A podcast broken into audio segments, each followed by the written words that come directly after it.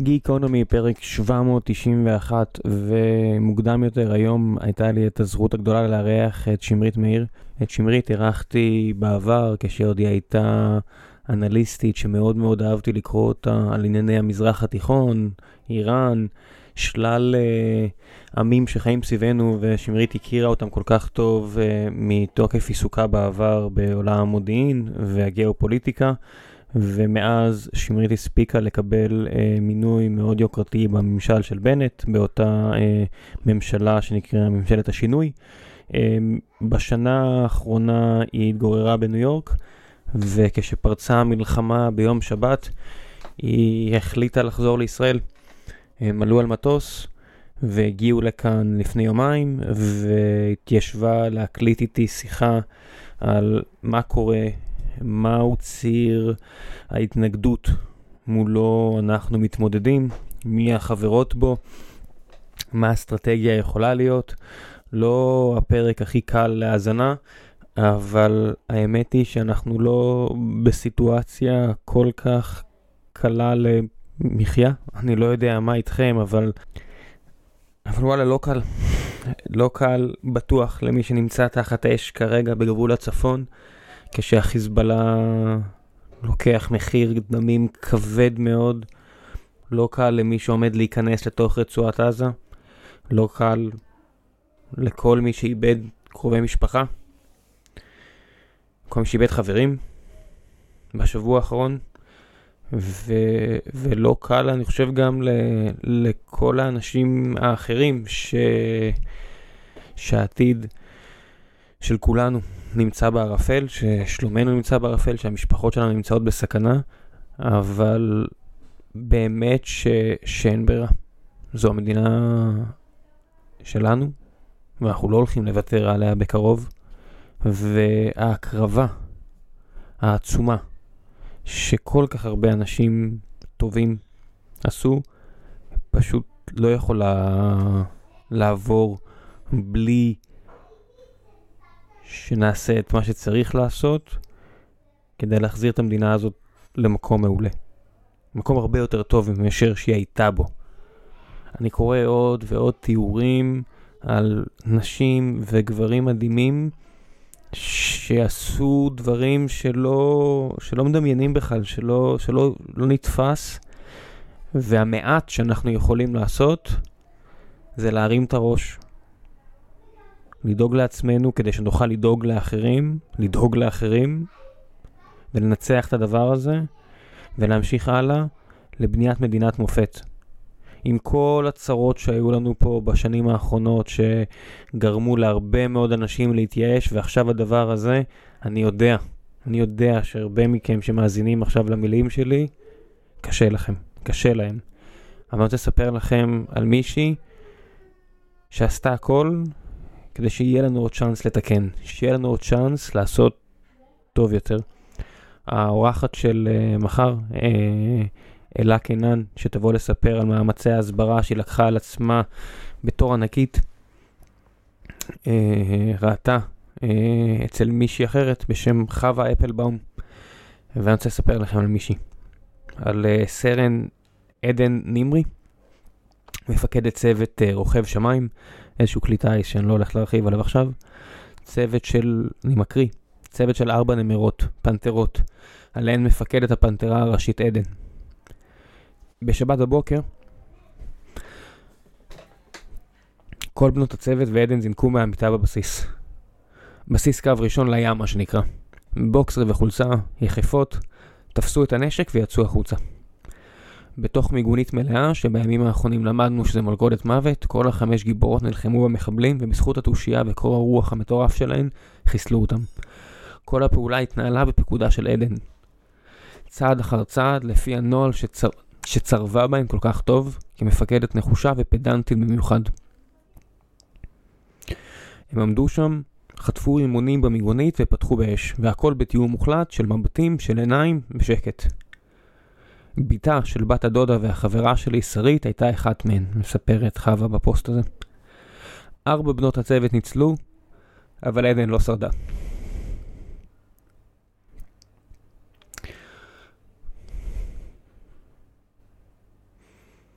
הסיפור של צוות נימרי עוד יסופר, אבל עד אז אני רוצה לחלוק כבוד למפקדה, למפקדת היפה והמופלאה, האמיצה, הגיבורה. אני רוצה שהעולם ידע שהייתה פה נערת מופת, תולעת ספרים, שחיינית מצטיינת, בחורה משכמה ומעלה, שגם הייתה מפקדת מצטיינת.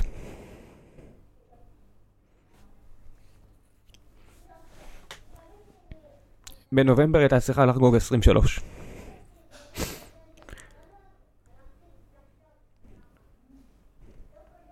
כולנו מצדיעים ומצדיעות לך, סרן עדן נימרי. תודה רבה ששמרת עלינו. יהי זכרך ברוך. אני קורא את הדברים האלה, ו- ואני ממש יכול לחשוב, אם רוצים ללכת אחורה, אמרו פה שכל הגברים חושבים על הרפובליקה, האימפריה הרומית, אז ברצוני ללכת טיפה יותר אחורה. לספרטנים במעבר תרמפולי, ביוון, כשהפרסים הגיעו.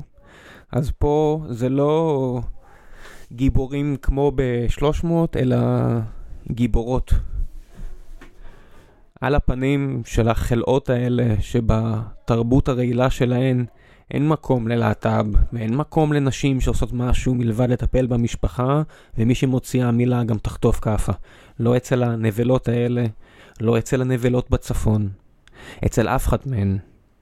כמה מנחם לדעת שמי שדפקה בהן את הכדור האחרון בכל מי שתקף אותה שם, זו אישה. גיבורה שלא ויתרה,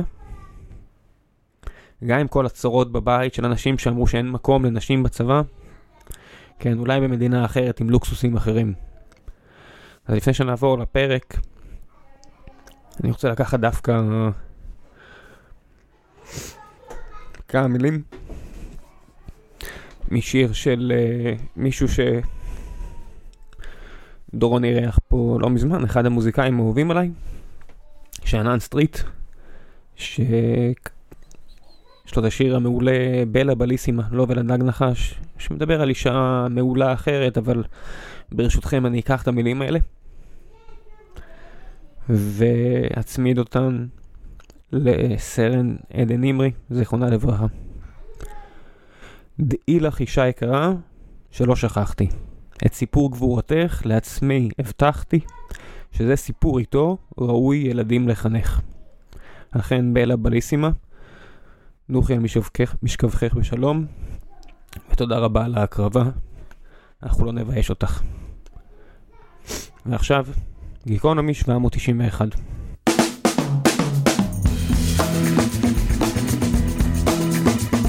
גיקונומי פרק 791 ואחר צהריים זה יש לי הזכות הגדולה לארח את שמרית מאיר. מציגה את עצמך היום. פרשנית, לא, אה, לא, מומחית גיאופוליטית. אני לא בשלב הטייטלים כרגע בחיים. אה, את לא, פשוט לא, שמרית. כן, לא, אני, אני לא, לא בעולמות האלה כבר. זה הדבר המוזר עכשיו שאני חושבת שקורה להרבה אנשים. אני אה, כבר לא חיה בארץ, זאת אומרת, אני באתי למלחמה עכשיו, אבל באופן עקרוני, אני גרה בניו יורק, אני עושה דברים אחרים לגמרי, ואני לא בעולמות האלה עד שאתה כן בעולמות האלה. וזהו. ככה אה, מרגיש חייל במילואים. את יודעת, כשאתה חייל במילואים, אתה לא אומר, אה, אני ראש צוות אלגוריתמיקה בזה, אני זה וזה, אני זה וזה. חיילים במילואים. כן, אני, אני מאוד, מאוד מזדהה עם הדבר הזה. אני חושבת שזה זמן שבו מי שיכול, מי שיכול, ומי שיש לו את היכולת הפיזית ואת הכוח הנפשי, צריך לראות היכן הוא עוזר, מסייע בכל דבר שהוא, בכל דבר. אה, קטן כגדול. ו... וזהו. ו... איך הייתה הטיסה עצמה מסביב? זאת אומרת, איך אה, היה שקט כזה? קודם כל, היה כמעט בלתי אפשרי להגיע, זה לקח לי ימים, ימים ו- וזה, ו- וגם, גם כשיכולתי לקמבן את דרכי חזרה לארץ, לא רציתי, כי לא רציתי לקחת מקום של מישהו עם צו שמונה. אבל אני חייבת להגיד, צריך לפתור את עניין הרכבות האוויריות לישראל, זה לא יכול להימשך ככה. היו לידי חיילים עם אנשים שחזרו, כן? שזה אגב בלתי נתפס לראות. סליחה עכשיו על ה... ש... כאילו, אני נותנת disclaimer למי שיש, למי שזה מתרגר אותו, נאום ציוני שנייה קטן. זה מדהים לראות אנשים נוהרים לאזור מלחמה. התנועה הפוכה בדרך כלל, אנשים נוהרים לאזור מלחמה. הם, היו לידי אנשים שחזרו והעמיסו עליהם 40 פריטים על אחד. זאת אומרת, הם צריכים כאילו ציוד של 40 דברים לאחד, לא היה ברור איך אנחנו מוציאים אותם מהשדה. הם, באמת, כולם היו במסירות אל על וזה, וכולם זה, אבל צריך לטפל באירוע הזה. צריך, ישראלים רוצים לחזור, יש כאלה שצריכים לנסוע, או שקשה להם פה ורוצים לנסוע. צריך לנהל את התעבורה האווירית לישראל, אני עכשיו stating the obvious, אבל כן. אז, אז זה, זה, זה משהו שצריך להיפטר. ואתה יודע מה, רמי כבר ככה בהקשר הזה, אני מאוד משתדלת כל התקופה האחרונה לא להתעסק בפוליטיקה, ובוודאי לא בזמן לחימה. אני חשבתי שיש צורך אמיתי באחדות, אחדות מהותית. אני חושבת שעד כה אנחנו שידרנו לאויב מסר של התפוררות, מה שגרם להם לחשוב שיש להם שעת אה, רצון או עת רצון היסטורית, ואני חושבת שהיה חשוב מאוד, היה חשוב מאוד ככה להתכנס אה, ולהראות איזושהי חזית אחידה. אבל אני עכשיו, בטיפה פרספקטיבה, חושבת שאולי טעיתי בעניין הזה, והיה צריך לקחת את הזמן, לשאת ולתת על כניסה אמיתית לממשלה. אה, אני לא מאמינה שאני אומרת את זה, לא, זה חמאס, לא יודעת מה, שתלו לי צ'יפ, אבל יכול להיות שיאיר אה, לפיד צדק בהקשר הזה. של מה? שהיה צריך לשאת ולתת כגוש ולהיכנס לממשלה. לא רק משקיפים בקבינט, אלא לקחת תיקים. כי תיקים ותפקידים ביצועיים בממשלה זה לא כיבודים, זה ניהול משאבי המדינה. וניהול משאבי המדינה בזמן חירום הוא חשוב מאוד מאוד מאוד. זה בוודאי באסון הומניטרי כמו שקרה ל... כן, אם אני עכשיו אנסה לשים את עצמי אה, בין אוזניהם או בתוך התודעה של אנשים ששומעים אותנו וחולקים על דעתי ודעתך, הם יגידו, אוקיי, איזה תפקידים? זאת אומרת, איזה תפקידים היית מחליפה עכשיו? מה, את אה, גלנט כשר ביטחון? זאת אומרת, לא. אני אישית חושב שהתפקיד הראשון שאני הייתי מחליף, ואני אומר את זה, זה את אה, סמוטריץ' כשר אוצר. אני חושב שכלכלה בעת מלחמה היא קריטית מאין כמוה. ואני לא אומר את זה כי אני חולק עליו פוליטית, אני פשוט חושב שאין שום קשר בין כלכלה אליו, והייתי מצפה שהוא ירים את היד ויגיד, אני אחזור אולי להיות שר אוצר או שר כלשהו עוד שנה. פשוט כרגע צריך לשדר לעולם שאנחנו מדינה אחראית, להביא, לא, פוליטיק, לא אפילו פוליטיקאי אחר, להביא איש מקצוע, להיות שר אוצר. שרים לא חייבים להיות חברי כנסת. אני, אני, אני אגיד לך משהו, אני, אני, יש בזה משהו הרבה יותר עמוק מזה. קודם כל, בהקשר הזה, אני הייתי מצפה ששר האוצר יאמר, אין כספים קואליציוניים. אין אירוע כזה כספים קואליציוניים. חברים, העולם הישן מת.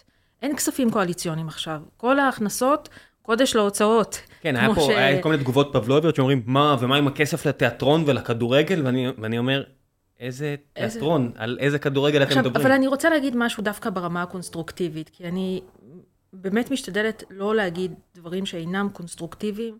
אה, ולצורך בנייה. ברגע שאתה נכנס ולוקח את משרד התחבורה, משרד הרווחה, אתה קודם כל לוקח עול, נטל, בפרט שהציבור יש לו צרכים עצומים כרגע. וזאת האלונקה, זאת האלונקה. ודבר שני, באמת, הניהול של החיים האזרחיים אה, הוא, הוא, והחוסן האזרחי הוא חשוב מאין כמותו. ולכן אני חושבת שכבר היה צריך לעשות אורנים גדול ומהלך של כניסה אמיתית לממשלה. anyway, אני, יכול להיות שזה עוד יקרה באיזשהו אופן כזה או אחר. גם מה שקורה עכשיו זה כבר טוב, זה כבר טוב. עצם החבירה, עצם שבירת ה... כן, הדיסטנס, האויבות הזאת. החלוקה לשתיים, בדיוק. החלוקה הכירורגית הזו, הנקייה בין שני חצאים של העם. זה כבר לא קיים מבחינת הממשל שלנו. אני, אני רוצה לשאול אותך משהו שאמרת, ולא רציתי לקטוע אותך לפני כן, בניגוד להרגלי אה, בחול. אה, אמרת, הם ראו אותנו אה, מפוררים, צדקו לגמרי, ראו. אני אומר, אוקיי, למה הם לא עשו? זאת אומרת, יום שבת, שש וחצי, עדיין לא הבנתי, שבע וחצי כבר נפל לי אישית האסימון מביתי הנעים, תחת האזעקות, אמרתי, למה אה, הצפון לא נדלק מיד? זאת אומרת, אני מניח שמי שלקח החלטות ולא שלח הכל הכל הכל לדרום, הניח מיד באותו רגע איפשהו ש... שציר ההתנגדות לחץ על הכפתור. זאת אומרת, למה באותו רגע לא נפתחו כל אה, שערי גיהנום? אתה שואל אותי על הצד שלנו או על הצד של האויב? שלהם. למה התקיפה לא הייתה משלוש, ארבע חזיתות בו זמנית? אוקיי, אז אני קודם, אז אני... כחלק מציר אני, התנגדות. אני אנסה, אני אנסה לענות על זה, אני אתן כמה דיסקליימרים, קודם כל, כי אמ, עם כל הנטייה שלי לדבר בביטחון, אני רוצה לומר שאני בניגוד ללפני, אה, נאמר, שנתיים, אני לא יושבת בבור בקריה ואני לא חשופה לכל החומר המודיעיני, אני רואה מה שאני רואה, ואני מבינה שאני לא רואה מה שאני לא רואה. אני, אני חושבת שהתשובה הקלה היא כי לא היה להם צורך בזה. חמאס לבד, סינגל הנדדלי, עשה לישראל את הנזק הגדול ביותר מאז הנכבה. האירוע הוא אירוע שהוא מוסגר כאירוע פלסטיני. הוא עדיין, אגב, ממוסגר כאירוע פלסטיני. ולכן, אה, אני גם לא חושבת שחיזבאללה ייכנס, אלא אם כן תהיה לו סיבה טובה להיכנס. אין לו שום עניין בזה, למה? מהי סיבה טובה? סיבה טובה בעיניי, ואני עוקבת מאוד מאוד בדריכות אה, אחרי האופן שהם מנהלים את הפינג פונג כרגע מול ישראל. שים לב למשל שהם תוחמים את זה לחוות שבא, זאת אומרת לאזור שהוא שנוי במחלוקת. אה, הם... רגע, רגע, רגע. רגע, שנייה. היום, היום באמת נפלו המון אה, פצצות על אה, הר דוב, שזה חו... אזור חוות שבא. מצד שני, באזור זרעית, בלי לתת מקומות מדויקים, היה פגיעת נ"ט שהרגה בן אדם. שזה לא חוות שבא. נכון. והם זה... לקחו אחריות על זה מיד.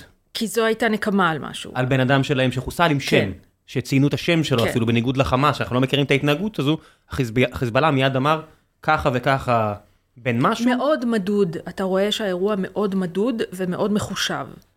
אמ, אבל אני, אני רוצה לומר משהו, מתי אני חוששת שחיזבאללה ייכנס, או ישקול ברצינות להיכנס. כרגע אין להם אינטרס להיכנס, הם לא יבזבזו את הארסנל האדיר ואת הכוח הצבאי הגדול מאוד של חיזבאללה, ואת היכולות ואת ה... אמ, בוודאי בסצנריו שבו אה, יש אה, נוסעות מטסים אמריקניות ואיומים או, או הרתעה, מעטפת צבאית אמריקנית, כן? זה, זה, זה, זה different ball game. הם יעשו את זה, או ישקלו ברצינות לעשות את זה, אם הם יחשבו שחמאס קרוב לאבד את השלטון ברצועת עזה. אה, ולכן אני הייתי קצת מודאגת שהרטוריקה של למוטט את החמאס עברה להיות מוגדרת כמטרת המלחמה. מה זה למוטט את החמאס? אמר אתמול דובר צה"ל באופן ברור, חמאס לא יהיה בשלטון ביום שאחרי, לא יהיה בשלטון, לא מדיני ולא צבאי. עכשיו, אני חושבת שהסצנריו, אני מנסה לחשוב, מה סצנריו אידיאלי? הם הרי לא דמיינו בחלומות הכי מטורפים שלהם שזה ייגמר ככה. לא לטוב ולא לרע. לטוב במובן הניצחון האדיר, והאופוריה שהייתה שם, ולרע, ה-backlash של הברבריות וה... כן, אה, והרג האזרחים ופשעי המלחמה. הם תכננו אירוע, אירוע גדול ואסטרטגי. מי זה הם? הם זה ציר ההתנגדות. אוקיי. Okay. אז זו שאלה מאוד חשובה. הם, בעיניי לפחות, זה ציר ההתנגדות. לומר חמאס זה לא נכון, אנחנו במלחמה מול ציר ההתנגדות. זה, עכשיו אני, אני גם אגיד, הרבה אומרים לי ש, שגם על האירועים באולפנים, ואני במיוחד, יש לי נטייה כזאת, לדבר בז'רגון. ולכן, דווקא בזמן שצריך לדבר בצורה בהירה, אז אני אסביר. ציר ההתנגדות זה אמ, ציר המוקאוומה, זה ציר שמנצחת עליו איראן, איראן היא הפטרון המדינתי הגדול שלו, אה, משמרות המהפכה וכוח קוץ של משמרות המהפכה, חיזבאללה הוא השחקן משנה החזק מאוד, כן? הוא הכוח הבלתי קונבנציונלי. סוריה היא חלק ממרחב ציר, ציר ההתנגדות. משטר אסד. אה, משטר אסד, שהם בלחימה סיזיפית של שנים ארוכות, תראה מה זה לא מפחדים מדרך ארוכה. הצילו אותו, זאת אומרת, הוא עומד מחדש על הרגליים, אה, כן, מגיע עד לתימן, השיעים בעיראק, וכמובן האגף הפלסטיני, שכולל החמאס והג'יהאד האיסלאמי. הציר הזה הוא שיעי בעיקרו, אבל יש לו גם אה, מרכיב סוני, למשל הפלסטינים שהם יותר מ-90% סונים. יפה.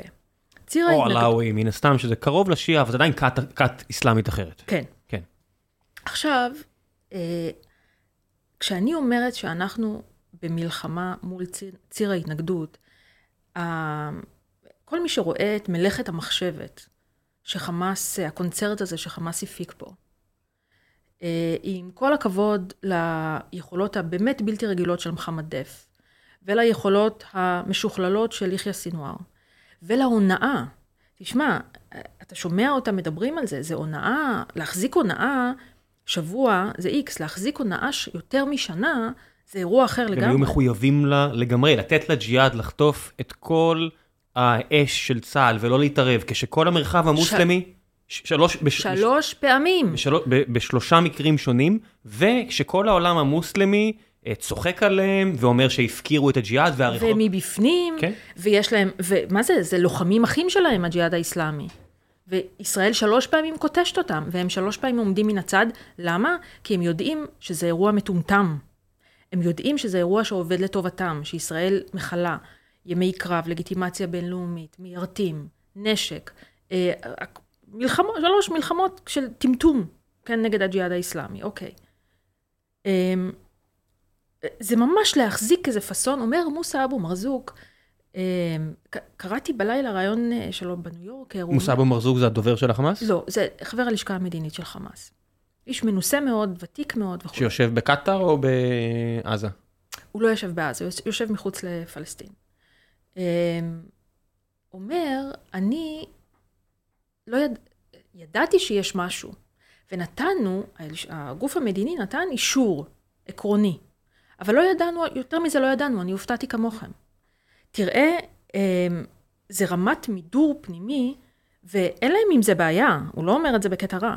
הוא אומר, אני מבין את החולשות שלנו, אני מבין שאנחנו חדירים כגוף פוליטי, אה, כמיליון מובינג פארטס ואנשים שחשופים לכל המניפולציות המודיעיניות. ולכן זה טוב שזה היה ככה. עכשיו... אבל אז זה אומר שיש קבוצה מאוד קטנה של אנשים שדיברה עם חברי ציר ההתנגדות, לקחו החלטה על דעת עצמם או לא דעת עצמם. הקבוצת אנשים הזו זה החבר'ה שראינו במלון בקטאר שם אה, חוגגים ברגע שהם רואים בטלוויזיה במלון מפואר, או שזה חבר'ה בתוך הרצועה? יש לנו סברה לחמאס? אני לא יודעת לענות על זה, אני לא רוצה לעשות סתם ספקולציות. אני חושבת שמה שהיה שם, תראה, היו, היו, שם, שתי, היו שם שני רבדים של הונאה מודיעינית, וב blind spot אחד. הרובד הראשון של הונאה, מוד, הונאה מודיעינית זה כמובן המסגור של הדבר הזה כתרגיל. אה, ברגע שיש מסגור של תרגיל גדול, דרמטי של חמאס בכל המערכת, זה לא שלא ידענו, זה לא שלא ראינו, פשוט המסגור היה מסגור של תרגיל. ומתי מעט ידעו שהם, משתתפ, שהם משתתפים ממש, handful של אנשים ידעו שהם משתתפים במשהו אחר שאינו תרגיל. כל השאר חשבו שזה תרגיל. אז המסגור של זה כתרגיל, זה רובד אחד. המסגור, הדבר השני, זה שעת השין המדויקת, שאנשים לא ידעו עד ממש מעט זמן לפני. שאני מניח שיש פה גם אה, מרכיב אופורטוניסטי, כי אתה לא מתכנן שנתיים. ואז זה נופל בדיוק כשיש מסיבה של 3,000 אנשים במרחק אה, קרוב אליך במקרה. אני לא יודעת לומר. אני עוד פעם, אני לא רוצה סתם לחרטט. סתם מבחוץ, את חושבת שזה מקרי? אני חושבת שזה מקרי, אני, אני לא יודעת, אני באמת לא יודעת. צירוף המקרים נראה לי גדול מדי. מפני שמה ש... המחשבה בעיניי הראשונית שלהם, ההישג ההיסטורי שהם רצו, זה השתלטות על אוגדת עזה. כן, תני לי לקחת את זה אחורה, רק למען okay. אוקיי. הסדר הטוב, גם שאני מנסה לנתח את זה בצורה שקולה, לא בהכרח המסיבה, זאת אומרת, אם עכשיו יושב פה בן אדם מאוד שקול, שקול ממני, יגיד, אדוני, זה לא המסיבה כמו שזה חג. המסיבה קורית גם בחג, ההבדל בין קורולציה לקוזליות זה בדיוק, בדיוק. זה. הקוזליות זה בחרנו בחג שיש רוב החיילים לוחמים בבית, יושבים מנחת, שתו יין, הדממה, משמינים. הדממה. הדממה של הרבה מאוד בסיסים.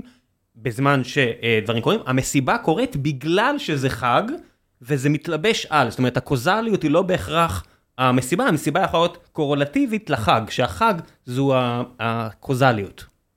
זאת אומרת, אם אני חייב לנתח את זה בצורה הכי קרה. יכול להיות, אני באמת לא יודעת, מפני שאני לא רוצה לעשות ספקולציות. ו... לא, אני, אני למען הסדר הטוב רוצה לחלוק, זאת אומרת, 아, אה, הבנתי, את, את הרציונל המלא שלי, זאת אומרת, מהבחינה הזו, כי אם אמרתי משהו, אני אתן לפחות את כל ה, מה שחשבתי עליו ברוגע בשבוע הזה, עד כמה שאפשר, שניסיתי להבין ביני לבין עצמי, איך מסתדרות שתי הדברים האלה שהם אמרו בין שנתיים מחנות לבין המסיבה הזאת שקורית באותו יום. זאת אומרת, משהו פה לא התחבר לי. וכשהוא אמר, בחרנו, הוא בחר, זאת אומרת, ראיתי את הרעיון הזה באלג'זירה, הוא אומר, בחרנו להכות באויב בערב החג, כשהוא הכי פחות, כשהוא הכי חלש. ויום שבת בבוקר, ערב חג, זה אכן הזמן, וקורולטיבית, מסיבה קורית בזמן הזה. אנשים לא בעבודה, יש להם uh, זמן לבוא לחגוג. יכול להיות. זה, זה סתם התיאוריה שלי. בכל מקרה, אני, אני, אני רוצה, אנחנו מדברים... על הציר, מי עשה... מדברים על הציר וכולי וכולי, אבל אני רק רוצה לומר משהו, הערה עקרונית. מה שה... הדבר הזה שקרה לנו, העיוורון, אה, שהוא עיוורון של מישהו שרואה. זאת אומרת, יכול להיות שהיו הרבה דברים, היו הרבה blind spots פה, היו הרבה דברים שאנחנו, לא blind spots, היו הרבה דברים שאנחנו לא ראינו, שלא ידענו, אה, על מידת המיומנות, מידת המוכנות, על הפריסה הטקטית, הקרבות ביישוב וכולי. אבל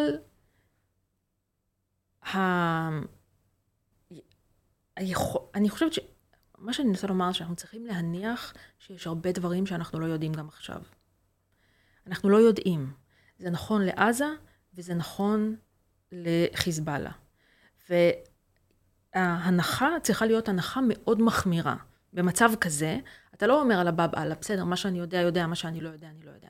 נתמודד עם מה שיגיע, מה שנקרא, תחת ההבנה שהם הצליחו לשתות בנו במשך שנתיים, אל תניחו שזה לא שלב א' מתוך תוכנית עם שלב ג'. נכון, וגם אמ, וגם בהקשר הזה, יש איזו מנטליות של אה, לוחמה פסיכולוגית. יש פה, יש פה הרבה, הרבה הרבה שכבות של לוחמה פסיכולוגית. אחד הדברים שהם מאוד אוהבים בהשראת חיזבאללה, אבל זה משהו שהוא חיזבאללה חמאס לאורך השנים, זה מה שנקרא הפתעות. הפתעות, אמ, זה, הם, הם מבינים את האפקט של זה, נו מה, הם מבינים את האפקט של זה, הם, הם, ולכן... מתייחסת כמו למשל עם הכי חנית וכאלה? מהסוג הזה. והם גם כל הזמן אומרים בטרמינולוגיה שלהם עולה, מתכננים הפתעות, יהיו הפתעות ודברים הפתעות, כאילו... אז הם, אמ, מה שאני חושבת זה שצריך להניח, אני אומרת עכשיו באמת לא איזה משהו סופר אינטליגנטי, אבל אני אגיד אותו בכל זאת. צריך להניח ש... חמאס וגם חיזבאללה, כשתבוא שעת השין, לא יפעלו על פי פרוטוקול התגובה או פרוטוקול העימות הרגיל. חמאס כבר שבר את כל הכללים, אמ, וחיזבאללה כרגע משחק באיזשהו משוואות תגובה מדודות, כן? למרות שהן מחמירות גם מהצד שלנו וגם מהצד שלהם, אבל צריך להניח שבשעת השין נשברים כל הכללים. זאת אומרת, אנחנו לא נראה, נכון, למה אני מתכוונת? הרי בכל הסלמה, מי שעוקב מקרוב, הוא יודע בדיוק מה ה-back and forth, נכון? אמ, מה השרשרת המרקובית שתהיה פה, אני אעשה ככה, תמיד זה על, על בסיס המקרה האחרון, אמרתי מרקוב מהבחינה הזאת, אני אעשה א', ב', ג' מבוסס על, ב', ד' מבוסס על ג', וכך נכון, ו- ונאמר, התגובות יכולות לחרוג ב-20 אחוז, ב-30 אחוז, אבל הן לא יכולות להיות משהו מוטרף לגמרי. כמו שאנחנו עשינו, צריך להגיד את האמת, ב-2006, זאת אומרת שהם חטפו חיילים, הם לא ציפו לפתיחת מלחמה. נכון. הם, הם, הם עשו בדיוק מה שהם רצו, בניגוד לחמאס, הם באו לעשות משהו מאוד ספציפי, והם ציפו לתגובה שתהיה ב-30 אחוז מעל. זאת אומרת, נכון. לקחנו שלושה חיילים, תהרגו לנו עשרה פעילים, בואו נתחיל לעשות משא ומתן. נעשה שלושה ימי קרב ו-we'll call it a כן, day. לא מלחמה, לא בדיוק. total war. ולח... ומה שאנחנו ראינו בשבעה ב... ב... ב... באוקטובר, זה אה, משהו שהוא לחלוטין חורג מהדבר הזה. הוא לחלוטין חורג מהדבר הזה. הוא... הוא משהו קונספטואלית שונה. ולכן אני חושבת שצריך לצפות, גם כשאנחנו נכנסים לעזה, כיוון שהיה להם הרבה זמן להיערך לדבר הזה, אמ, אנחנו צריכים לצפות לדברים מה, מהסוג הזה. עכשיו, בואו נחזור רגע לשאלת אה, חיזבאללה, מפני ששאלת חיזבאללה אה, מאוד מאוד מדאיגה הרבה אנשים. אמ, המלחמה, שמעתי אתמול את, אה, את, ראש, את ראש המוסד לשעבר יוסי כהן. שאומר שהוא... ריכזו הרבה כלים, אני לא מצטטת מדויק, והוא מקווה שאם נצטרך, הם ידעו לעזור. זאת אומרת, אתה, אתה מבין ש... הדאגה אמיתית וגדולה. 아, כן. אני חושבת שצריך לבודד את, אה, להסתכל על, על הדבר הזה באופן הבא. חיזבאללה יטיל, או משמרות המהפכה, או הציר הזה, יטיל את כל כובד משקלו, אה, שזה חיזבאללה למערכה, כשיהיה להם משהו או מאוד גדול להפסיד, או משהו מאוד גדול להרוויח באופן אסטרטגי.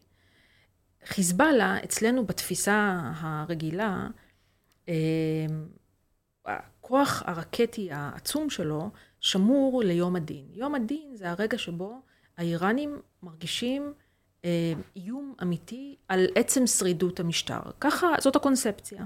לא רק אצלנו, גם אצל האמריקנים. לצורך העניין, האיום האמריקאי על פגיעה במתקני הנפט במפרץ הפרסי עונה להגדרה הזו? לצורך העניין, אבל אם יתחילו, שנייה, המד... אבל, אבל האמריקנים לא יקומו בוקר, מחר בבוקר, ויעשו משהו כזה. הם יעשו את זה אם תהיה פרובוקציה גדולה של חיזבאללה. נניח, אני לא בטוחה שהם יעשו את זה, אבל לצורך העניין.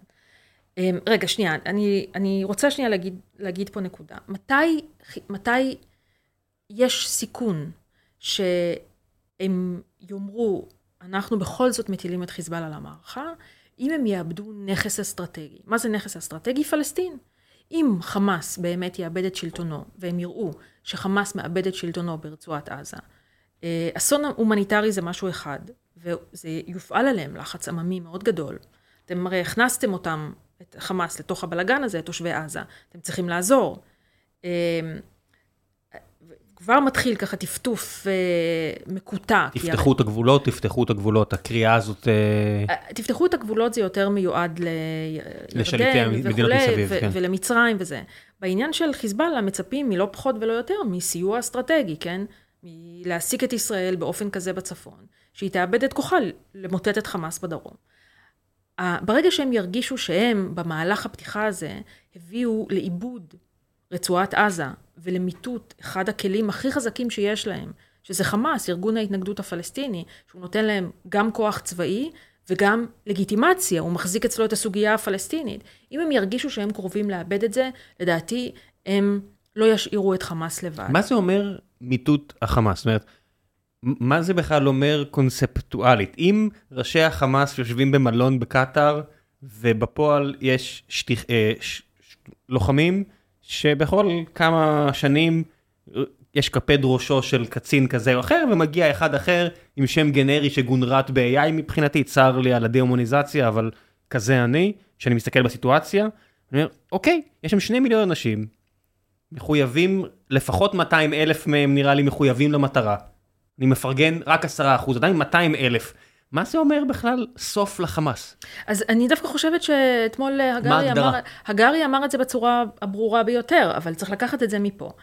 אה, עד עכשיו, מיטוט החמאס היה משהו שפוליטיקאים אומרים שאין להם משהו יותר אינטליגנטי להגיד. צריך למוטט את החמאס, צריך לזה, בסדר. אתמול, דובר צה"ל, לראשונה, אני שמעתי את זה לראשונה, אולי אני פספסתי משהו, באופן הזה, אמר, ביום שאחרי, חמאס לא יישאר בשלטון בעזה, לא מדיני ולא צבאי. זה מיטוט, מיטוט החמאס, זאת אומרת, השלטון בעזה, ניהולה של עזה, יופקע מידי החמאס. מעניין מאוד, אני, אני חושבת... גם, גם זה, זה פרשנות אחת שלך מעבר למילים המדויקות שהוא אמר אפילו בערבית, אה, זאת אומרת לא ישלוט אני לא יודע, זה כאילו... לא, אני בעיניי זה מאוד ברור. זה אומר כיבוש מלא של הרצועה? מישהו ישלוט, רגע, אז, אז פה נפתחות שתי... ולכן אני אה, חשתי ב, ב, בצורה, חשתי חוסר נוחות, אני חייבת לומר. וברגע שאתה אומר זאת המטרה, חמאס הוא כבר לא יהיה הריבון ברצועת עזה. אוקיי? לכאורה מטרה מתבקשת, כולם, כן. כולנו רוצים את זה, נכון? כן. אוקיי. ואז נפתחות שתי אופציות. מישהו צריך להיות הרי ריבון ברצועת עזה. דיני המלחמה, אם אנחנו כובשים את הרצועה. אנחנו לא. הריבון. אנחנו הריבון ברצועת עזה. עכשיו, אני אישית לא רוצה להיות ריבון ברצועת עזה, לא יודעת מה לגביך. אני כן יודעת שיש אלמנטים בישראל שכן היו רוצים לחזור לשם, וחלקם יושבים בקואליציה הנוכחית. זאת אופציה אחת. בואו נעבור לחלון ב'. חלון ב' זה אה, אבו מאזן. נכנסים, חמאס כבר לא ריבון, נאמר, נאמר יחיא סינואר יוצא מהבונקר כמו שסדאם חוסיין יצא מהבונקר, קוראים לאבו מאזן, קבל מה שאיבדת ב-14 ביוני 2007, אתה מקבל אותו עכשיו בחזרה, תהנה. אה, עזה אצלך. אה, האם זה סצנריו הגיוני? האם אבו מאזן יוכל לשלוט שם? הוא בקושי מחזיק ראש בגדה המערבית בלעדינו. הוא בן 90. עזוב את זה, אני מדברת על הרשות הפלסטינית. אופציה שלישית, שאני חושבת שהרבה מדמיינים אותה, ואני לא כל כך, אני קצת, היא, היא מאוד מאוד שאפתנית, זה להביא את הרשות הפלסטינית, או אלמנטים פלסטינים, אנשים מדברים על דחלן, יחד עם סיוע כלכלי, הרי יצטרכו שם איזה תוכנית מרשל, של האמירויות, של הסעודים. עכשיו, יכול, הכל יכול להיות, אני, אני לא רוצה... מה ברגותי עושה בימינו אנו? איזה, מרואן? מרואן. לא, מה הוא קשור? אבל... אני אבל, יודע מה הוא קשור. אבל אני רק, אני רק, אני רק תוהה, כן, אני... יש הרבה יותר אפשרויות, זאת אומרת שאני יכול לדמיין במצב של... בשישה באוקטובר, מצרים עומד על סף פשיטת רגל, עושה שוב הסכם מה-IMF וכל מיני גופים אחרים, שייתנו לה עוד קצת אוויר, כדי שהצבא שם יוכל לשתות עוד קצת כסף, לבנות את העיר המטופשת שלהם ולשתות את כל הכסף של המדינה. זה לא עוזר להם, יש יותר מ-100 מיליון מצרים, אה, המים מאתיופיה בסכנה, המדינה עצמה על סף קריסה כלכלית סטייל לבנון. אני אומר, בהינתן סכום מסוים של כסף, מצרים תוכל להגיד לא? זאת אומרת, אני אומר, זה לא עניין של כסף בסוף? להגיד לא למה? לקחת את עזה. לא יודע אם זה יהיה בצד של רפיח רק, לא יודע מה. אתם לוקחים כמו לפני 67. אני חושבת שהם יהיו, שהם יעדיפו לבלוע ציאניד. באמת? שום כסף לא יפתור את זה? יכול להיות. זאת אומרת, בהינתן המצב של אה, צבא מצרים. אתה משרטט פה איזה סצנריו שיש בו עניין. זאת אומרת, המצב של המצרים הכלכלי הוא באמת קטטוני. זאת אומרת... סטייל לבנון? חמור מאוד, חמור מאוד. אוקיי. אבל אה, הם לא מוכנים לעשות טובה לפתוח את מעבר רפיח, עזוב. מה, טובה למי? לפלסטיני. נכון, אני אומר, אני לא, רוצ, אני לא מציע טובה. אני מציע, זאת אומרת, מה שאני מדמיין... שמצרים תהיה הריבון ברצועה? אני לא יודעת, תראה, לזה התכוונתי כשאמרתי שיש איזושהי מחשבה שאולי זה בעצם תהיה הפקעה של, ה... של עיקרון הסוברניות הפלסטינית לאיזשהו ניהול ניהול על של מדינות ערב המתונות. איך שאר העולם הערבי מסתכל על הציר? מתקשה, רגע, אני מתקשה לה, לחשוב שאנשים מיוזמתם, סבירים, ירצו לקחת על עצמם את הזוועה הזאת. באמת אני מתקשה לחשוב. זה נתפס כיותר זוועה מאשר אה, יהודה ושומרון בעולם הערבי? כן, אני חושבת שבכלל הפלסטינים נתפסים כבור בלי תחתית. זה באמת מקשה אחת, זאת אומרת, 17 שנה או 18 שנה אחרי הפיצול הזה, הפיצול כן. הפוליטי. זה עדיין נתפס בעיני, לא יודע מה, בסוף המזרח התיכון מלא במאות שבטים שונים שהתאגדו למדינות אחרי סייקס פיקו, אבל זה עדיין נתפס בתור עם, מדינה אחת בתיאוריה. הם רואים את עצמם, העולם רואה אותם, העולם הערבי. אני חושבת שהתשובה על זה היא מורכבת מאוד. א', כן, באופן עקרוני, כן. כן. אה, ב', אנחנו עברנו כמעט שני עשורים, לא כמעט, יותר משני עשורים, של אה, פילוג היסטורי במרחב האסלאמי והערבי. אה, מיותר, כן, אני אומרת פה את המובן מאליו.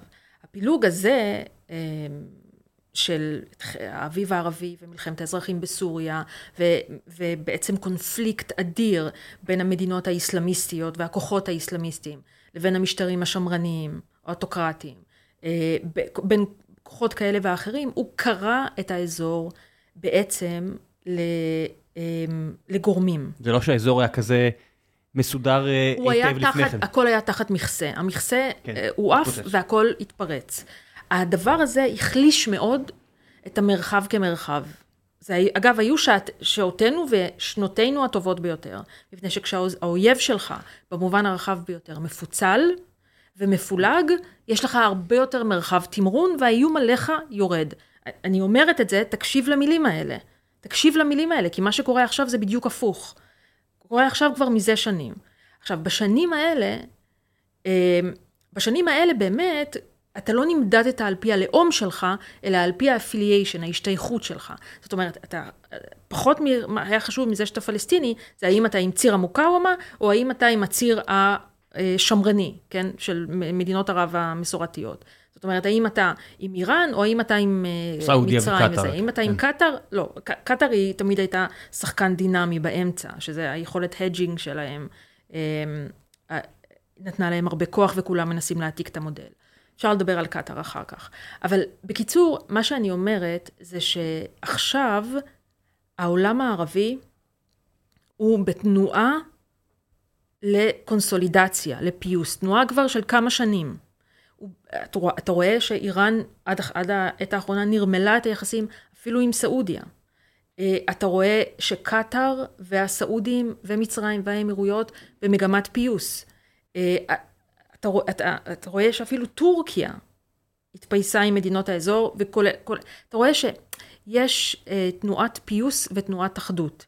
זה טרם הגיע לפלסטינים, כי הפלסטינים, המערכת כבר כל כך... אה, אה, הכל שם כל כך... לא. קיים. על כרעי תרנגולת, שקשה לנהל את זה, כן? זאת אומרת, אין הנהגה בעצם, אין איך להנדס את הדבר הזה. אבל, אה, אבל, ואנחנו בתנועה הפוכה. אה, אז לשאלתך, אני לא יודעת איך מגדירים פלסטינים, אבל בוודאי שפלסטינים זה... לא רוצה להתייחס עכשיו, להיכנס ל... לא, לא, לא שאלתי איך אני ואת מסתכלים שאלתי מה, איך מסתכלים, זאת אומרת שהעולם הערבי מסתכל על, על עזה ועל אה, יהודה ושומרון, הם רואים עם, הרי בסופו של דבר המילים האלה שאנחנו משתמשים בהם, קטאר ובחריין והכל, זה שבטים, זה שבט ספציפי ששולט שם 150 שנה, 170 שנה, 120 שנה, 90 שנה, זה לא אלפי שנים שהדבר הזה קיים, שמנסה לבצר את מעמדו כי אין לו בהרבה מקרים יכולת להגן על זה, מארג פוליטי שנראה לי כזה, את יודעת, מאוד עדין.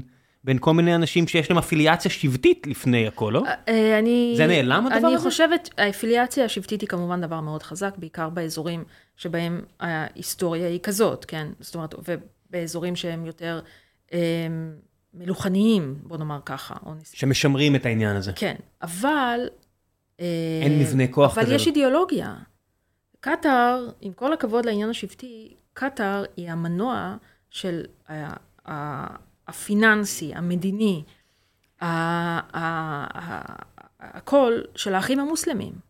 האחים המוסלמים זה, זו אידיאולוגיה, זה מחנה, זה זהות. תנועה שקמה במצרים לפני מאה שנה למען השלטון ערבי, פעם ראשונה, פן ערבי נגד הקולוניאליזם. זאת אומרת, הטיקט של האחים המוסלמים, שהחמאס זה...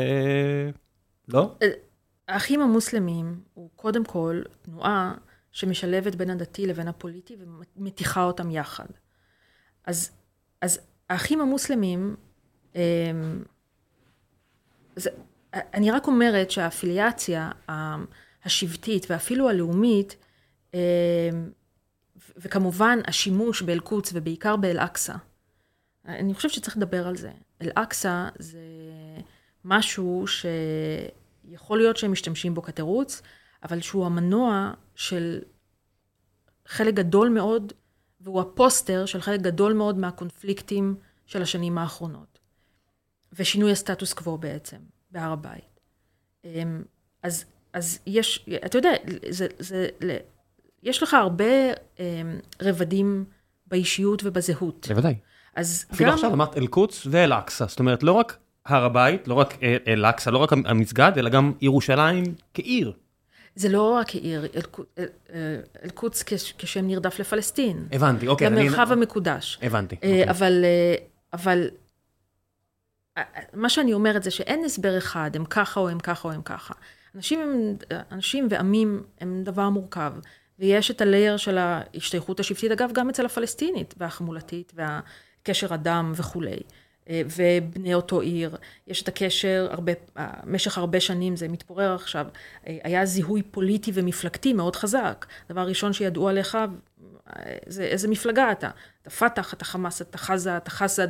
תאי התאים בבתי הכלא בישראל מאורגנים ככה. זה היטשטש במידה מסוימת בתקופה האחרונה, אבל זה עדיין מאוד מאוד חזק. יש את הזהות האידיאולוגית העמוקה, האם אתה איחואני, אחים מוסלמים, האם אתה יותר אה, חילוני באופייך, האם אתה אה, קומוניסט, יש שם כאלה שאריות הקומוניזם, וזה, אה, האם אתה ככה, האם אתה ככה, במה אתה מאמין, האם אתה פן ערבי. איפה רוסיה בכל הסיפור הזה שאת מדברת על הציר? הרי ש, שיצאה הודעה של אה, דובר החמאס באל-ג'זירה בקטאר, והוא אומר ביום שבת או יום ראשון, הוא אומר, כן, הודענו לטורקיה ורוסיה ואיראן ברגע שזה קרה.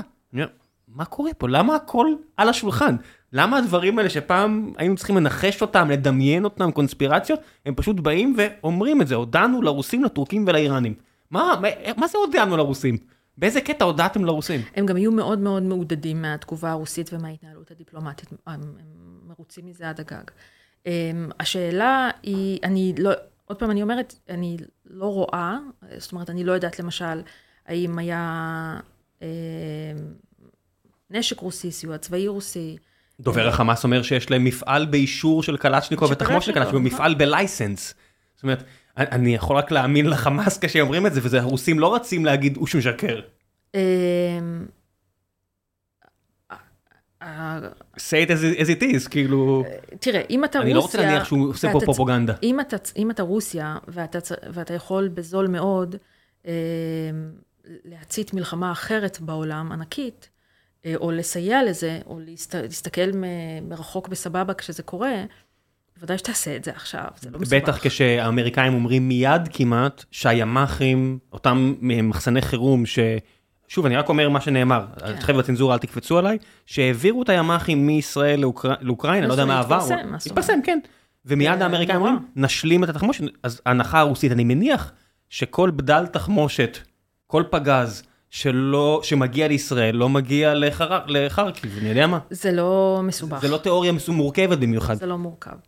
אמ, זה לא מורכב. ולמה טורקיה פה? מה, מה למה הוא, הוא אז... מנה שלוש מדינות, שתיים אני מבין. מה לכל הרוחות... מה זאת אומרת? טורקיה מארחת את אה, בכירי החמאס עדיין. טורקיה...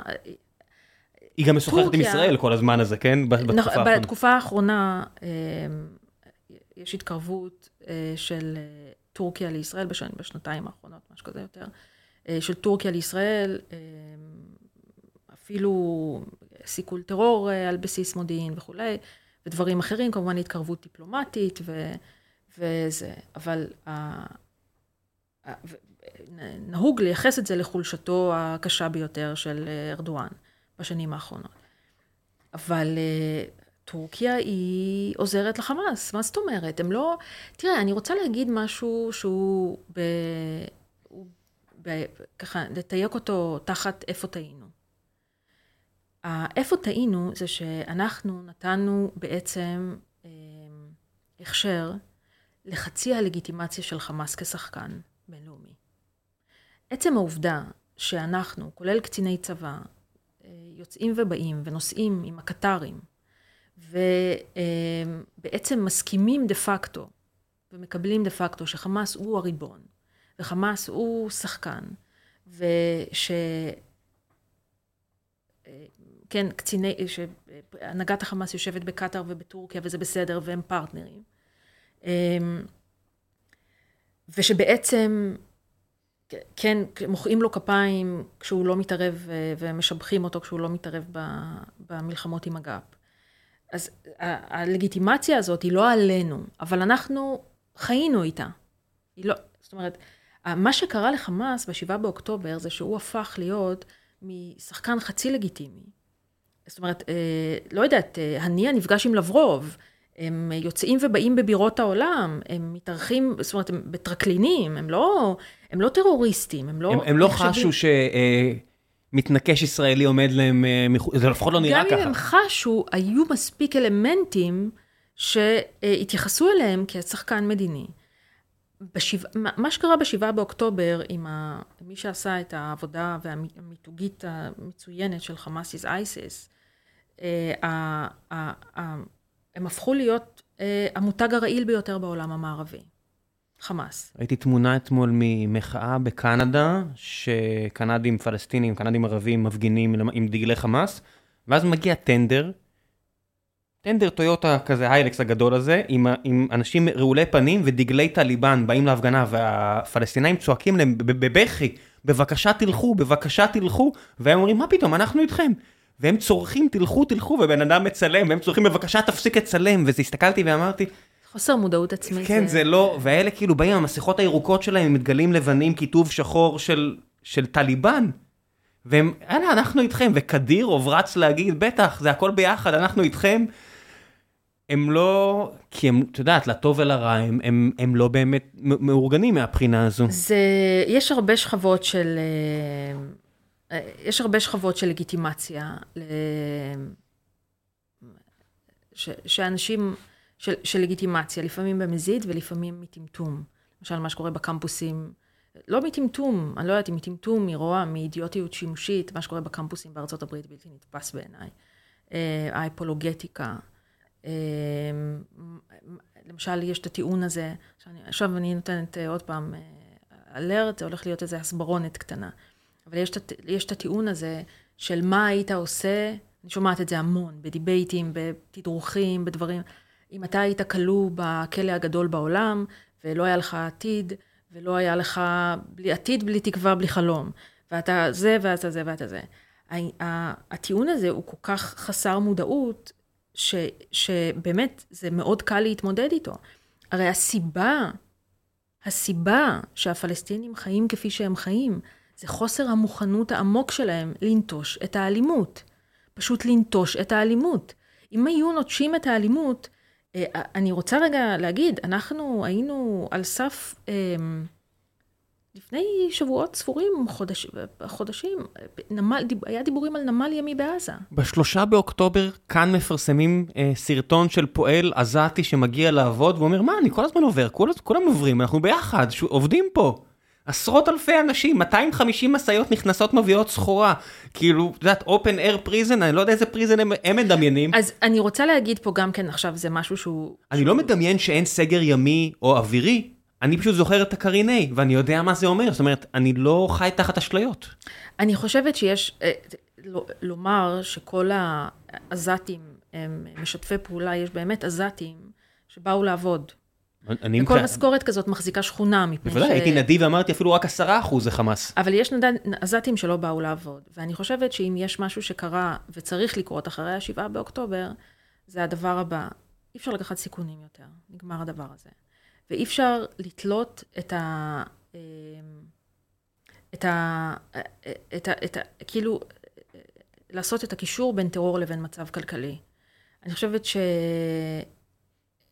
אני חושבת שהדבר הזה פג לו התוקף. אני אפילו אגיד משהו יותר מרחיק לכת. אמ, זה לא ענייני המצב הכלכלי בעזה. זה לא ענייני. זה לא ענייני המצב הכלכלי באיו"ש. לא ענייני. ואני אומרת את זה כמי שזה היה עניינה. מאוד. אני חושבת שיש דרך פשוטה מאוד בשביל הפלסטינים, זה להתארגן כעם ולהפסיק עם האלימות הברברית. הם יפסיקו את האלימות הברברית, הם יהיו בגן עדן. בגן עדן. כאילו, בגן אה, עדן. לא יודע אם בגן עדן, בטח לא בגיהנום. אה, יש בין לבין, אצל דנטה היו כמה שכבות שם בקומדיה האלוהית. אני אגיד לך שלפלסטינים יש פוטנציאל להיות האומה הערבית, בגלל הקוטן שלהם, הפרוקסימיטי לישראל, והעובדה שכל העולם יעריף עליהם את כל טוב הארץ, כולל מדינות ערב. האומה הערבית המשגשגת ביותר, למעט המפרציות אולי. כן, בואו בוא נחריג באמת את האלה שיש להם אינסוף כסף. הם לא רוצים לעשות את זה. הם לא רוצים לעשות את זה, נו, מה אפשר לעשות? הם לא רוצים. מי זה הם? אין לי, אין לי אפילו הם, שאני רואה כאילו אנשים שמדברים מעזה, ויסלחו לי על המילה, זאת אומרת, איזה, את יודעת, לא פועל שהסתכלתי בווידאו, אני אומר, הבן אדם כאילו, להגיד שהוא איש פשוט, זה יהיה ה understatement של ה understatement. מה הוא רוצה, תגידי לי, מי הוא? מה, אין לו, מה, הוא לא... זאת אומרת, מי זה הם? אין, אין הם. תראה, אז אני... אני, אני יודע שיש כאלה זה... שהקדישו את חייהם למוות של ישראלים, תנועת החמאס, שהוכיחו את זה, הם בוודאי לקחו את הכסף, זאת אומרת, הסרטונים האלה שהם מוציאים בגאווה, שהם מוציאים את הצינורות מים, שוברים אותם, שהאיחוד האירופי בנה, והם שמים את זה בסרטון תדמית שלהם, שהם הוציאו השבוע, והם הופכים את הצינורות מים למשגרי רקטות. אני אומר, אוקיי, הם לא, הם לא בקטע של שגשוג, לגביהם אין לי ספק. לגבי שאר הפל... הפלסטינאים, אני, אני אפילו כבר לא...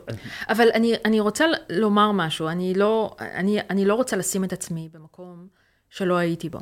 זאת אומרת, אני לא פלסטינית, ואני לא יודעת איך זה לחיות עם האינדוקטרינציה הזאת, מהרגע שאתה נולד. כן. אמ, אני רק יודעת שזה עמוק מאוד. אבל התגובה העממית, אמ, למעשה האלימות היא, היא תמיכה מטורפת. היא תמיכה מאוד גדולה. ו...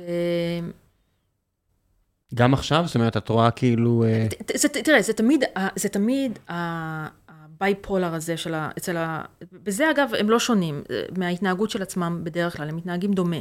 זאת אומרת, זה תמיד...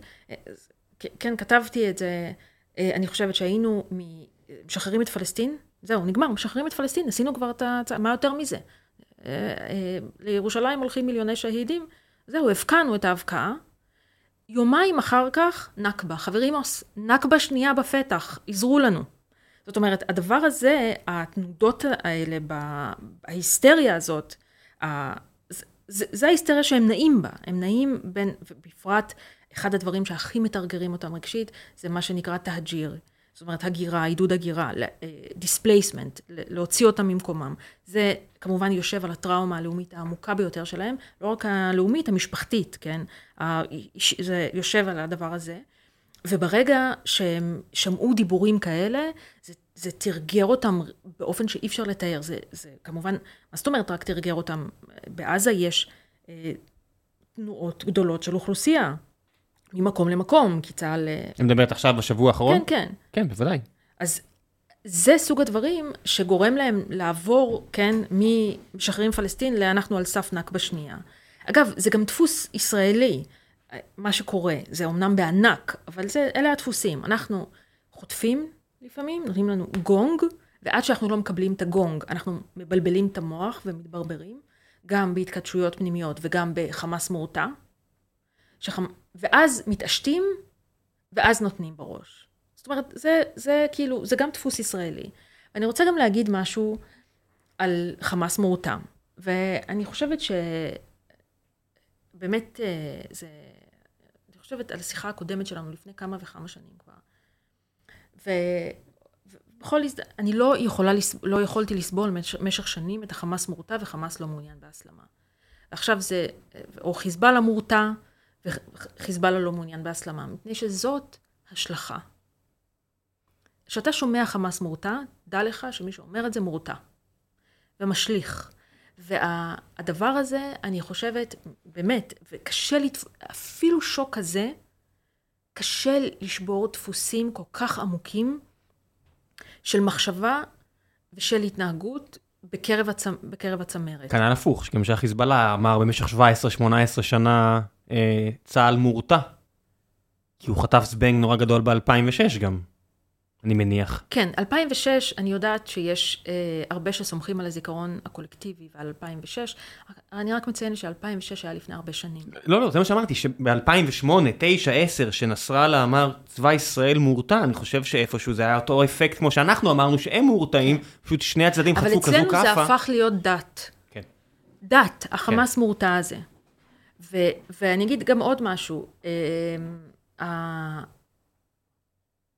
אה, יש להם כמה עדיפויות עלינו שאין מה לעשות, אבל צריך לדעת אולי למזער את הנזק. למה אני מתכוונת? אה, אצלנו יש במקרה הטוב שיח פתוח, במקרה הרע המשך הטירוף שהיה פה בשנה האחרונה. אצלם אין את זה. יש להם יכולת monitoring מאוד מהודקת על מה שקורה, ועל מה יוצא ומה לא יוצא. חיזבאללה, מה שלא רוצה שיגידו לא אומרים, לא יעזור. וזה מאפשר לאחוז טוב מאוד במידע ובכוונות, כי הבעיה שלנו זה מודיעין כוונות, לא מודיעין טקטי, כוונות. והדבר הש... השני זה ש... אצלנו, בשנים האחרונות, הכל מזוהם בפוליטיקה. הכל. הכל. זה או ביבי או לא ביבי.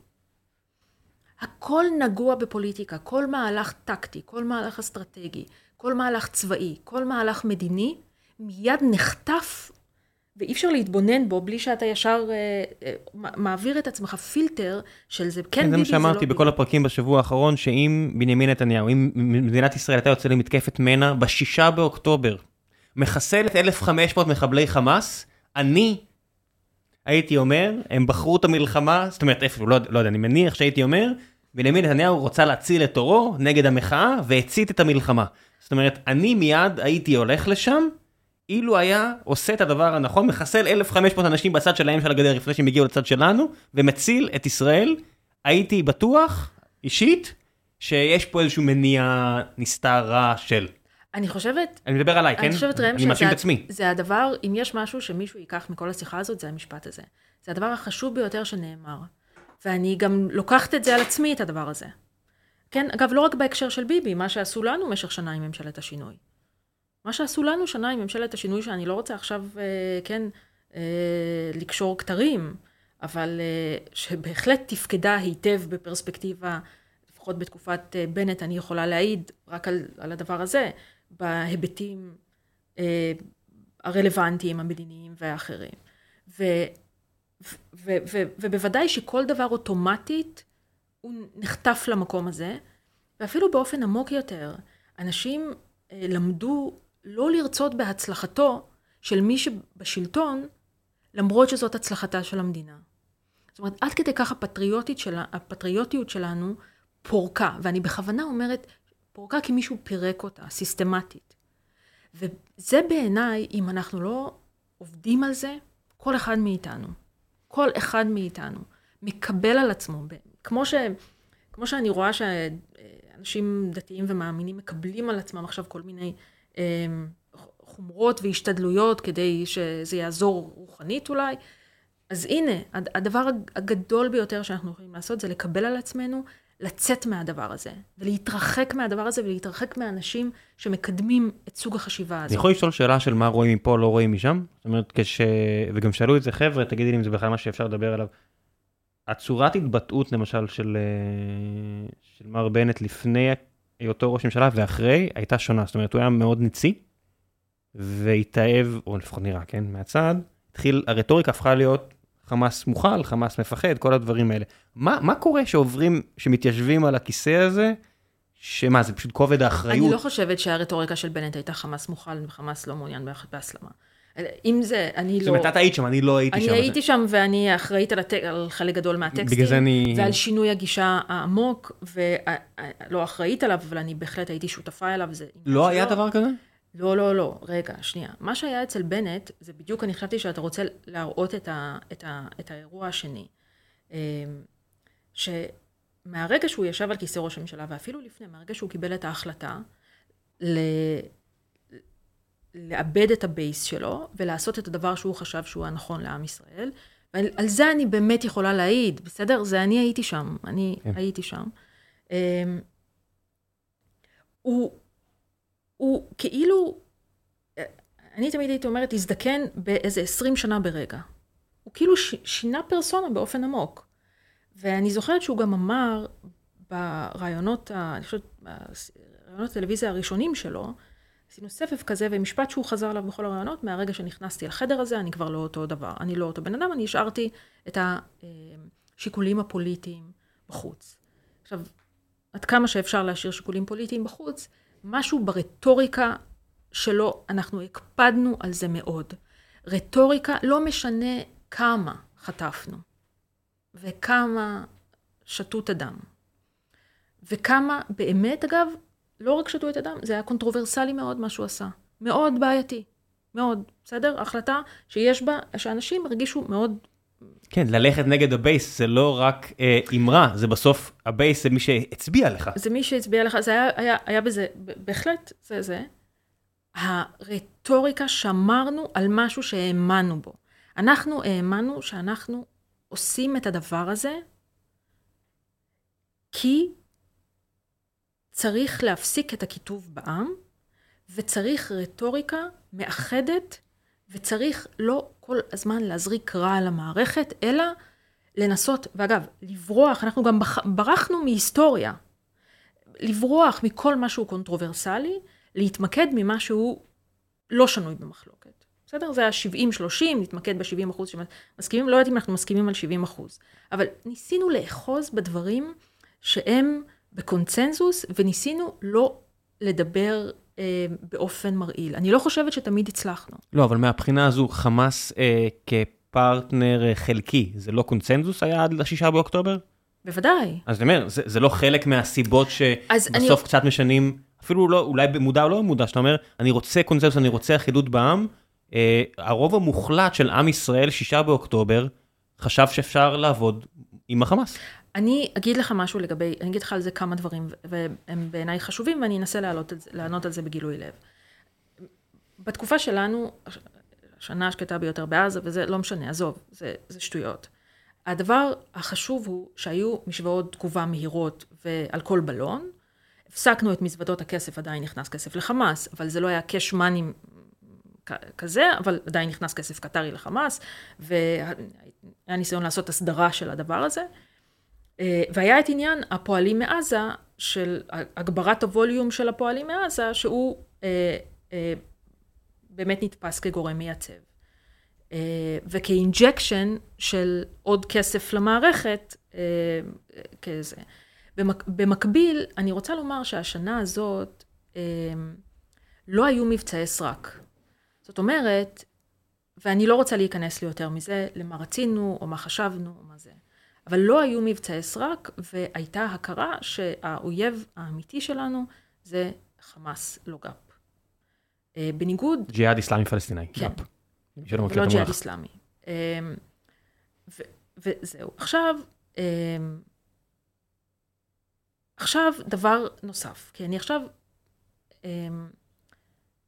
אני חושבת שאם מי שאומר צריך להוריד את חמאס משלטון בעזה, המשפט העוקב שלו, מי צריך לשלוט בעזה ביום שאחרי, אם כך. תן לי את הפרס... תן, תן לי את המרשם. תן את התוכנית. תן לי את התוכנית. עכשיו, אני, יכול להיות שיש תוכנית, ויכול להיות שצריך להתחיל לחשוב ולעבוד על תוכנית, ולקמבץ אותה, ולהתחיל לרתום את מי שצריך. אבל תן לי את התוכנית. כי, כי משך הרבה שנים, אני יודעת שזה גם כן כבר לא, זה מאוד מאוד לא פופולרי לומר, היה בזה היגיון. מדוע היה בזה היגיון? וגם היה היגיון בזה שאנחנו מפרידים, או יושבים על ההפרדה בתוך התנועה הלאומית הפלסטינית. מה, תסתכל, מה, התנועה הלאומית הלעומתית לך מחליטה שהיא בסכסוך כרוני. לא מסוגלים לגעת אחד בשני. 17 שנה. לגעת, לגעת אחד בשני.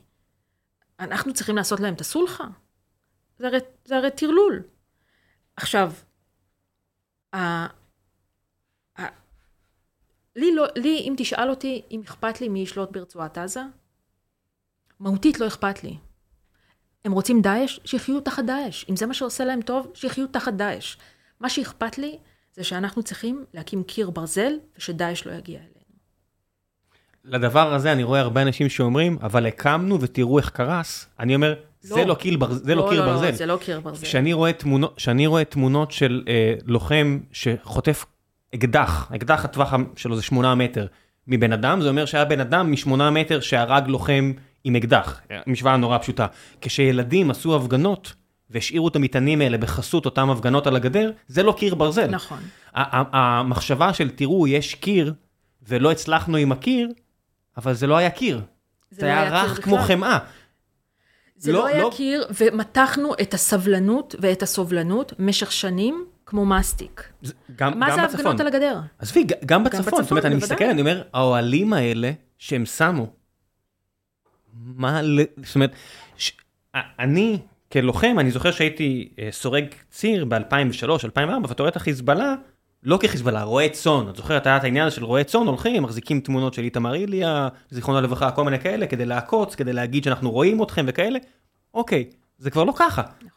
זה, זה לוחמים של היחידה שאנחנו יודעים שהתפקיד שלה הוא לכבוש את יישובים, לא תסריט פנטסטי, ראינו את זה קורה. נכון. אופנועים ממוכנים, הם מסתובבים נשק מלא, ציוד מלא, במרחק שאני יכול לתפוס את הבן אדם ולמשוך אותו לגדר. נכון. וקיבלנו את זה. זה לא קיר ברזל. זאת אומרת, אם אתם רוצים להגיד לי שחייב לכבוש את עזה, כי אחרת אי אפשר להקים קיר ברזל, אז זה אומר שצריך לכבוש את לבנון.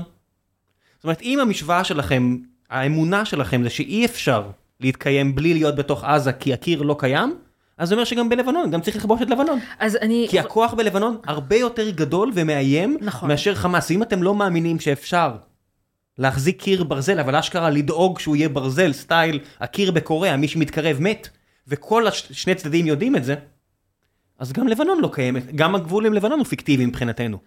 אה, הוא, הוא, זה חד משמעית המצב. אמנם עכשיו יש יותר דיסייסיב, אבל לא רוצים לפתוח חזית שנייה, אז גם כן חושבים כמה פעמים. אולי הוא יהיה ככה, כרגע אני עדיין רואה... אבל מה שאני כן. חוששת, אני אגיד לך מה אני חוששת ביום שאחרי. אני חוששת שהדברים האלה יש להם דינמיקה משל עצמם. ובפעם הראשונה שהם יעשו פרובוקציה בגבול ויבחנו אותנו, ואנחנו נמצמץ, כי חמאס לא מעוניין במלחמה, וזה שורר, וזה גדודי האלה, וזה לא הם בכלל, והם בכלל מסוכסכים בחמ"ל. מה זה, אתה לא יודע איזה פיצוצים יש שם. וזה, וזה לא יכול להיות. זה, אני חושבת שהרבה פעמים רוצים לזרוק שינויים אסטרטגיים על בעיות טקטיות. זה לא נכון.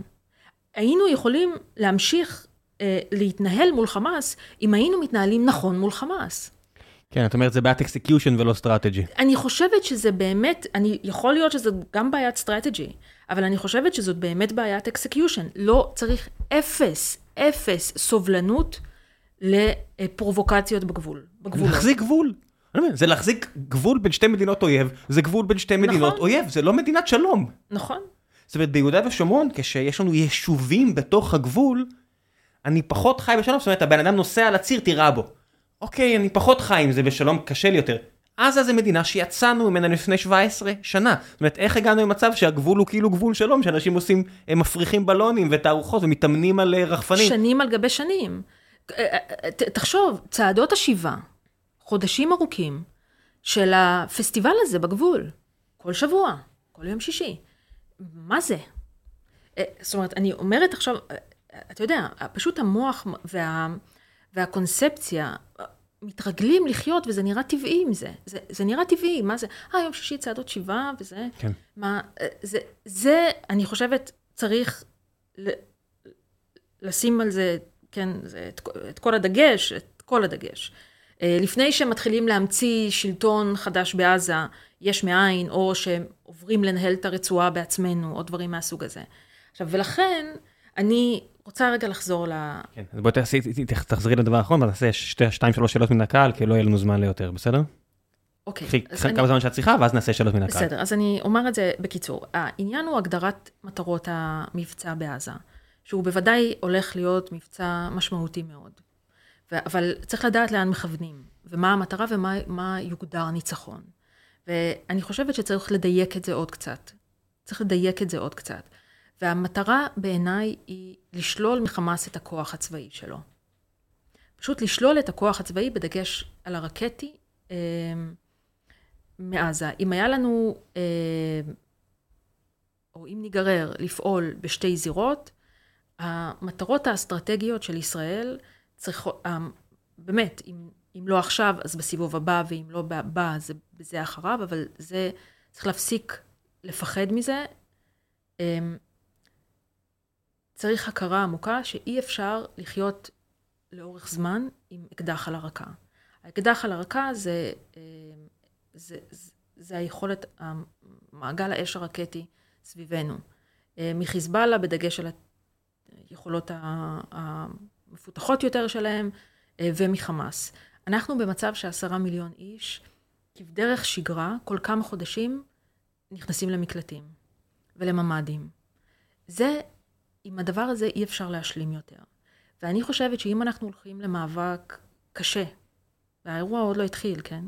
למאבק קשה, עם קורבנות רבים, התכלית האסטרטגית צריכה, התכלית, כן? התכלית, זה לא חמאס ספג מכה קשה, ולא מעניין אותי מי יעמוד, ב, ב, מי ינהל את העניינים בעזה ביום שאחרי. מעניין אותי לשפר את מצבה האסטרטגי של מדינת ישראל. אנחנו כרגע לא זה לא טוב. זה, עכשיו, זה לא רק האי נוחות, הרי אנשים פה יוצאים ונכנסים מממ"דים. אתה יודע, אתמול נתקעתי באזעקה בתל אביב, אה, בחוץ, ונכנסתי פנימה לאיזה בניין, ילדה קטנטנה, בת ארבע, אה, קלטה אותי מככה, מראש גרם המדרגות, רצה, פתחה לי את הדלת. זאת אומרת, המיומנות פה אה, היא אנחנו כבר חיים... נרמלנו טירוף כמו שילדים בארצות הברית נכנסים לסייף רומס, כי הם לוקחים בחשבון שיכול להיות מישהו יבוא לבית הספר ויירה בהם, הם נרמלו את זה. זאת אומרת, זה חלק נכון. מהמציאות שלהם, ואנחנו נרמלנו פה משהו... אנחנו נרמלנו משהו כן. לא נורמלי, אבל יש לזה גם השלכות אחרות. זה משתק. זה משתק. היכולת שלנו לפעול בחופשיות, אה, לקבל החלטות אסטרטגיות, אה, לזה, זה משתק כשאתה, כל הזמן יש לך אקדח מול הרקה. למשל, ראה את הסכם הגז ודברים אחרים. ולכן אני חושבת שזאת לשם, גם אם הדרך ארוכה, גם אם הדרך ארוכה וזה לא יהיה בטקט אחד, אלא במהלך סיסטמטי של כמה שנים, לנטרל את טבעת האש אה, ש, שבנו סביבנו. זה, זה, זאת צריכה להיות התכלית האסטרטגית של מדינת אני, ישראל. אני, אני חייב להגיד שאם זו התכלית האסטרטגית, אז נושאות המטוסים פה הולכות להיות עסוקות, כי זה אומר שניטרלנו את הזרוע הכי חזקה של ציר ההתנגדות. זאת אומרת, אם הגענו לתכלית הזו, אז נושאות המטוסים שארה"ב הביאה לפה יהיו עסוקות, כי איראן אה, תפתח את המלחמה שלה. זאת אומרת, פתחת פרק ואמרת אני ש... אני חושבת הפוך, אם אתה כבר עושה את כל הדרך, ואתה הולך לאירוע גדול, ואם אתה כבר מעריך שיש, שיש בסבירות גבוהה שתי חזיתות, או אפילו חזית אחת, אם אתה כבר עושה את כל הדרך, תראה שמצבך ביום שאחרי הוא טוב יותר. לא, לא שאלתי על, אפילו על, על חיזבאללה וחמאס, אני אומר, בשלב מסוים, גם לאיראן יש טילים בליסטיים, זאת אומרת, אה. יש סיטואציה שבה אומרים, אוקיי, הורדתם לנו יד, נוריד לכם רגל? בסדר, בוא, בוא תעבור לשאלות מהקהל. כן, זה, אני אומר בשלב הזה, כן, זה, זה מה יש, את אומרת, זה, זה, זה העולם. אה, ונעשה 2-3 שאלות וזהו. אה, טוב, ענינו פה על הרבה מאוד אה, דברים, זאת אומרת, הרבה אנשים אמרו לאיפה נעלמת, אם בא לך אה, לדבר על זה? זאת אומרת, אה, למה חזרת להתעסק בלצייץ והכל רק... אה, בגלל המלחמה, אני לא... בח... אני באמת אה, רציתי, ולקחתי הפסקה ארוכה מהנושאים האלה ומהעיסוק הזה, וגם נסעתי, זאת אומרת, אני לא גרה פה, אני גרה בניו יורק, אבל אה, באתי פשוט אה, מה אפשר לעשות. אה, כנראה ש- just when I thought I was out. They pull you back in. כן. אה, מיכאל לויט שואל, אה, מה החלק של סין בציר הזה של סין, איראן, רוסיה? אני, כן, קשה להיות מעודדים מהאופן שסין מתבטאת ומתנהגת בהקשר הזה. אה, אני לא הייתי, אני, אני חושבת ש, ש, שהם כמובן עוקבים בדריכות, וכל דבר שארצות הברית מעורבת בו ב scale כזה, בוודאי נוגע להם. אני לא הייתי מותחת את זה לכדי, אה, זה עדיין לא, לפחות, יכול להיות שהדבר הזה ישתנה, לכדי אירוע גיאופוליטי ענק, נוסח אה, רוסיה-אוקראינה. זה עדיין לא שם. אני חשבתי רצח פרנץ פרדיננד, את הלכת יותר מצומצם, אבל בסדר. אה, אה, וגם אני רוצה לומר משהו בסוגריים על אה, ממשל ביידן. אה, אני, התמיכה שלהם בלתי נתפסת, נתפסת מאוד בעיניי, כן. באמת? זה לא הפתיע אותך? לא, לא, אה, זה לא הפתיע אותי בכלל, הפתיע אותי כמה. זאת אומרת, המימד הרגשי, לא הפתיע אותי, אני מכירה אותם היטב, אני עבדתי איתם מאוד צמוד. באמת? נושאת מטוסים מגיעה ואת אומרת, אוקיי, אה, לא, I לא, can see that. תראה, לא, לא, אני לא מדברת על זה. תראה, זה, הרי הכל בסוף מתחיל מ, אה, מרוח המפקד. ביידן הוא באמת, באמת, באמת ציוני ופרו-ישראלי. צוות national security שלו, גם שהיו לנו איתם לפעמים חוסר הסכמות ודברים כאלה, הם אנשים נהדרים. מאוד מאוד מאוד אה, חשובה להם ישראל. מיותר לציין שישראל היא בת ברית אסטרטגית, וחשוב להם שהיא תשמר את כוח ההרתעה שלה, או תחזיר את כוח ההרתעה, ולא תגלה חולשה מול אויביה. אה, וכמובן, יש לנו תמיכה עממית מאוד גדולה שמתבטאת בקונגרס. אה, אבל ביידן באמת יצא מגדרו כדי להראות, אני חושבת, אה, משהו אבהי ממש, מבוגר אחראי, גב, והגיבוי הזה של נושאות המטוסים הוא, הוא באמת מדהים ולהוריד את הכובע וכולי. אם אתה שואל אותי, אבל אני חוזרת פה, אני חוזרת פה לכוונות, והצד השני יודע לקרוא כוונות. אם אתה שואל אותי האם אה, סנאריו של מעורבות צבאית אמריקאית במזרח התיכון, פלוס אה, מחירי אנרגיה משתוללים בשנת בחירות, זה משהו שהוא היה מזמין במסעדה אם היו נותנים לו תפריט? אני לא חושבת. האם זה משהו שהם יקפצו אליו אם תהיה להם ברירה אחרת? הם, אני, אני חושבת שהפגנת הכוח הזאת היא סופר חזקה, מפני שעכשיו הצד השני, צריך לומר, האמריקאים לא מעוניינים במלחמה, אבל הם שם, מי יודע? אולי, זאת אומרת, אי אפשר לדעת איך זה ייגמר. כשאתה מביא שתי נושאות מטוסים, דברים קורים. בדיוק, ולכן זה חשוב בצורה בלתי רגילה. הם שמו את הכסף איפה שצריך לשים את הכסף, כאילו, איפה שהפה שלהם, כמו שאומרים. וכמו תמיד שהם עושים את זה, כולנו צריכים להבין שיש יש חבל שקשור לשטר הזה. זאת אומרת, כמו ב-73, חד משמעית. בסופו של דבר אנחנו לא מדינה עצמאית, ואני אחזור שוב על מה שאמרתי בפרקים האחרונים, מי שחושב שאנחנו יכולים להסתדר כמדינה עצמאית, שאנחנו מציינים שמות כמו איראן, רוסיה וסין, מעבר לכל הערבים שמנהיג, זאת אומרת, איראן זה לא ערבים, כן? אז מעבר לעולם הערבי שציינתי את שלושת אלו, מי שחושב שאנחנו יכולים להסתדר לבד, או עם עמנואל מקרון שמוציא ציוץ בעברית, אני לא יודע, אני לא יודע מה אתם מעשנים, אבל אל תעשנו את זה עכשיו, תחכו עם זה קצת. כן, לא, אנחנו מדינה עצמאית בהחלט, ואנחנו... אה, אה, גם בריטניה מדינה עצמאית, ועדיין צ'רצ'יל, המשפט האחרון פחות או יותר, שקראתי בדיוק את הביוגרפיה שלו, של אנדרו רוברטס, ואחרי זה את הספר של בוריס ג'ונסון, אז הוא אמר במשפט האחרון שלו, שהוא חזר שם מהקריסטינה, מה... מהקרוז שיפ הזה שהוא ביקר בניו יורק בערוב ימיו וחזר, הוא אמר לבריטים מסביבו, הוא אמר בבקשה, אל תאבדו את האמריקאים. זה, אתה יודע, תמיד משתמשים בצ'רצ'יל בתור איזה, יודע, תהיו צ'רצ'יליאנים, תילחמו בנאצים, תילחמו באיראנים, אני אומר, תזכרו מה היה חשוב לו. חד משמעית. את הנאום הכי חשוב שלו, הנאום הכי חשוב של המאה ה-20, הוא מכוון לאמריקאים. מעבר לעם שלו, כשהוא אומר, אני מבטיח לכם שנלחם בחופים ובמשטחי הנחיתה, הוא אומר, ואם האומה הגדולה הזאת תיפול, החברים שלנו מעבר לים, אנחנו סומכים עליהם כי הוא עשה להם רגשי. אה, עד הסוף הוא היה עם האמריקאים, כי הוא הבין מה זה אומר, מה החשיבות של האמריקאים מול האויביהם. וממשל ביידן גם לקח פה סיכון פוליטי לא מבוטל, למרות שזו עמדה מאוד פופולרית, אה, לתמוך בישראל כרגע, מפני ש... באמת... אה, ויריביו הפוליטיים מיד עטו על המציאה? אבל ברגע שזה יסתבך בעזה, וזה כבר האירוע ההומניטרי, הוא יצטרך להתמודד עם זה שהוא נותן בעצם, הוא complicit לדבר הזה. אז זה, הוא, הוא לקח על עצמו המון המון, ו, וזה גם כמובן ברגע שאתה, אתה יודע, כתבתי על זה שחיבוק מטבעו מגביל, וככל שהוא הדוק יותר, הוא מגביל יותר.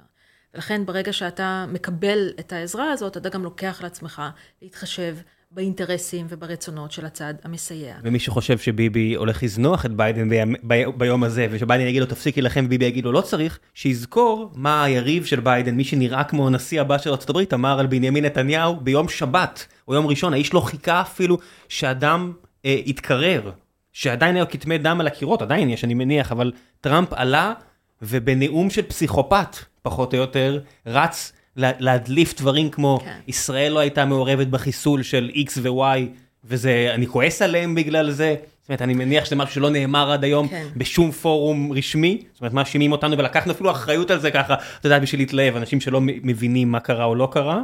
אה, פלוס הוא אמר, אני מאשים את בנימין נתניהו. אז מי שרוצה את מארג, אם מישהו חושב שהכל ביבי, לא ביבי. לא, אני, אני אגיד לך משהו, זה לא- באמת לא up to us. הוא אמר את זה, כן? בסדר, אבל זה לא, אנחנו לא יודעים, זה לא קשור אלינו מי יהיה נשיא ארצות הברית או לא יהיה. לא, בוודאי שלא, אני רק אומר, מי שחושב שהכל בסדר, תכף הרעה הזאת תחלוף. אני אומר, רק תראו, האלטרנטיבה? אני, אני רק אגיד, אבל בהקשר הזה, ש... אתה יודע זה מזכיר לי אנקדוטה.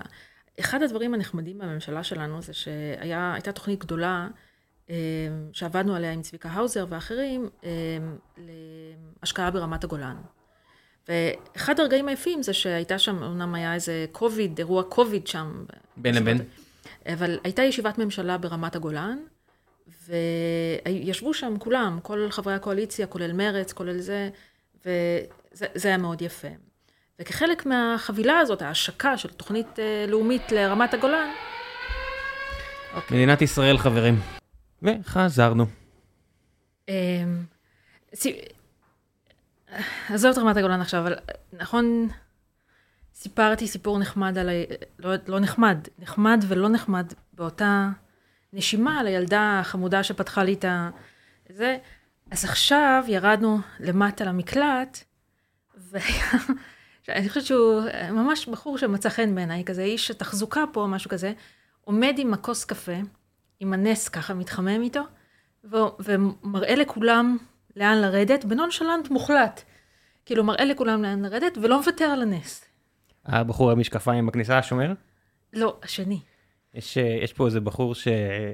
שהוא פה הרבה שנים, ו- ואני רואה אותו, אני, אני מגיע לפה הרבה בגלל העבודה, עבודה מאוד אינטנסיבית, אז שישי, שבת וכאלה, והוא תמיד פה. אה, הוא עובד קשה. ואני נכנס היום, הוא מסתכל עליי וצוחק, הוא אומר, מה, עד מתי אני אראה אותך פה? אני אומר לו, עד, עד אחרי הג'וקים, אני ואתה לי מגיעים לכאן. באמת, אני, הבן אדם הזה שם את, שם את, את השיא בקול. לא ראיתי כזה קולנס בחיים שלי, פשוט... לא, מה הכוונה, יש, אה, יש יאיר גולן אומר אה, לאבא, כן, כן. מוטרף מדאגה. לא, זה, זו גבורה. זו גבורה. כן, גם, גם, גם בגבורה יש, אה, יש, ה- יש גבורה עם פלייבר אינטנסיבי ויש גבורה עם, עם, עם קאם. כן, אני אה, תמיד חיבבתי מאוד את יאיר גולן, עוד במטכ"ל. יאיר אה, היה כאן, הוא מאוד הרשים, הוא כזה גנרל נפוליאוני כזה, אה, כזה צרפתי, כזה מישהו שקורא ספרות יפה ועם אה, ראש גדול. אתה יודע שהוא אה, תמיד במטכ"ל היה מקוטלג כבן אדם הכי התקפי והכי מג'ונן שם. לכן הם לא. הבינו כאילו את, ה, את השמאלנות, כאילו מאיפה זה הגיע, כי הוא היה כאילו כל הזמן אה, רוצה, אה, כל הזמן לעש- לעשות אה, דברים אה, מטורפים, אבל הנה, בבקשה. ואתה רואה?